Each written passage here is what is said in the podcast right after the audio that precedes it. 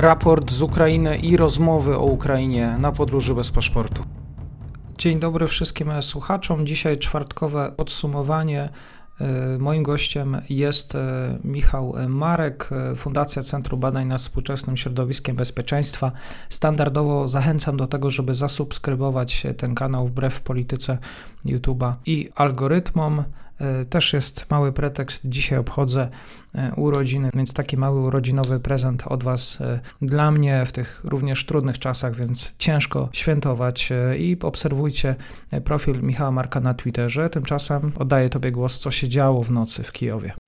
Dzień dobry. Sytuacja ogólnie nadal zostaje stabilna. Stronie rosyjskiej nie udało się e, przeprowadzić e, żadnych konkretnych działań wokół Kijowa. Dochodziło oczywiście przez noc do bombardowań ukraińskich miast. Tutaj e, miasteczka Izium na wschodzie, obwód charkowski. Na kierunku południowym no, potwierdzają się niestety informacje dotyczące przejęcia przez stronę rosyjską obwodowego miasta Hersoń. Y, oczywiście wskazujące informacje, które do nas dochodzą jakby z Kijowa, czy też y, ogólnie już z Ukrainy, tu mówię o zaufanych ekspertach, czy o oficjalnych komunikatach, wskazują na to, że miasto to, zdobycie przez Rosjan tego miasta nie wpływa w żadnym większym stopniu na y, nie tylko zdolności obronne, ale również na morale obrońców i morale Ukraińców. Może brzmi to zbytnio optymistycznie, jednakże tutaj ukraińscy eksperci, z którymi jestem w, kontakcie, podkreślają, że w obecnej sytuacji, kiedy mamy kolejny dzień skutecznej obrony wśród Ukraińców,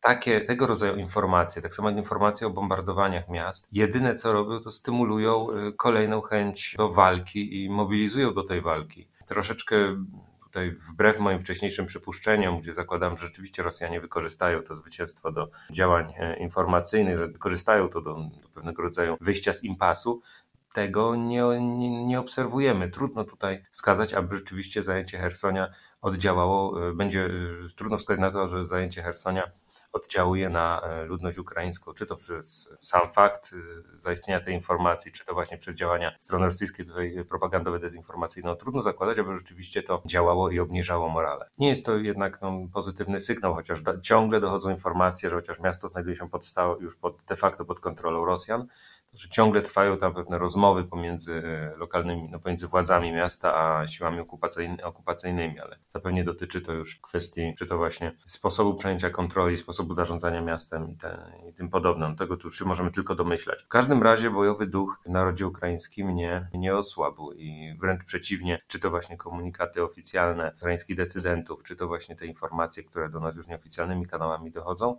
no wskazują na to, że absolutnie Ukraińcy nie mają zamiaru e, poddawać się, a tym bardziej nie mają zamiaru stawiać mniejszego oporu. E, jeżeli chodzi o kierunek Mariupolski, czyli e, południowy wschód, tutaj nadal nie udało się okrążyć miasta. Linia frontu na tym odcinku jest ciągle utrzymywana. Charków również nie podjęto prób żadnych skutecznych prób zbliżenia się do miasta. Na kierunku żytomierskim podobnie. Nadal wszystko utrzymuje się tak jak wczoraj w nocy. Żytomierz, y, Czernichów, y, Kijów, y, Charków. Tutaj mamy całkowitą stabilność. Kierunek południowy nadal jest tym kierunkiem, można rzec, najbardziej problematycznym, jednakże Rosjanom no, nie ma podstaw, aby sądzić do tego, że front się załamał, absolutnie. Rosjanie starają się ruszać w kierunku po linii Dniepru, w kierunku obwodu zaporowskiego. Miejmy nadzieję, że tam już strona ukraińska przygotowała się odpowiednio do obrony, jednakże nadal ten rozwój tego kierunku, posuwanie się e, rosyjskich kolumn na północ wzdłuż Dniepru jest e, raczej mocno, mm, mocno ograniczone. Ciągle nie, nie dochodzą do nas informacje o tym, aby rzeczywiście tutaj dochodziło jak, do jakichś poważnych sukcesów na, w obwodzie e, zaporowskim. Mm, jeżeli chodzi o Mikołajów i Odessę, Pojawiają się informacje, iż dzisiaj może dojść do, do próby desantu na Odessę. Pojawiają się informacje o wypłynięciu w morze zgrupowania e, rosyjskich okrętów.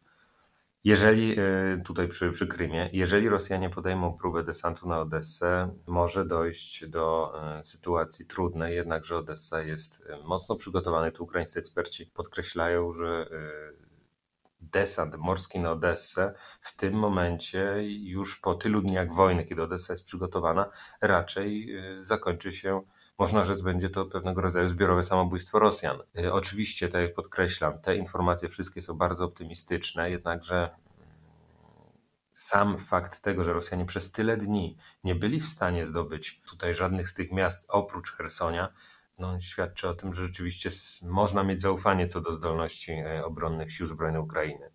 E, warto przy tym podkreślić, że na kierunku południowym, tutaj właśnie szczególnie na zachodnim południowym, czyli Odessa, Mikołajów, Hersoń, Hersoń był miastem, który był najmniej przygotowany do obrony. Tam stacjonowały najmniej, najmniej jednostek ukraińskich, właśnie dużo mniej w porównaniu do Mikołajowa i e, Odessy. Tutaj jeszcze warto przypomnieć o tym, że Rosjanie mm, w dniu wczorajszym przeprowadzili właśnie desant, czy to na Mikołajów. Próbowali, trudno, trudno nam właściwie określić, e, cóż miał na celu tego rodzaju e, desant. Czy to było rzeczywiście rozpoznanie bojem, czy to była e, po prostu nieskoordynowana, chaotyczna akcja, która miała przynieść zwycięstwo Rosjanom, trudno powiedzieć. W Mikołajowie w każdym razie desant został zlikwidowany też w dniu wczorajszym i tak samo, tak samo 2 lutego wczoraj doszło, dochodzą informacje, że strona rosyjska spróbowała wysadzić desant w Odessie. Mowa jest o desancie z jednego helikoptera 10 osób. Ukraińscy eksperci tu podkreślają, że mm, szczególnie eksperci, którzy są tam na miejscu.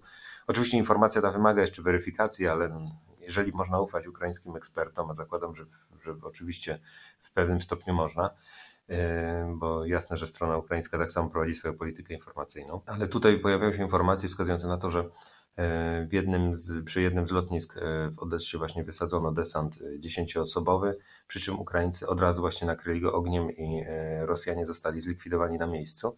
I co wywołało konsternację wśród ukraińskich żołnierzy, gdyż nie do końca zrozumieli, co tego rodzaju desant miał na celu. Wywołało to w nich szok i niedowierzanie, dlaczego Rosjanie wysłali po prostu na śmierć tego rodzaju siły, no, tego rodzaju no, jednostki, tego rodzaju oddział.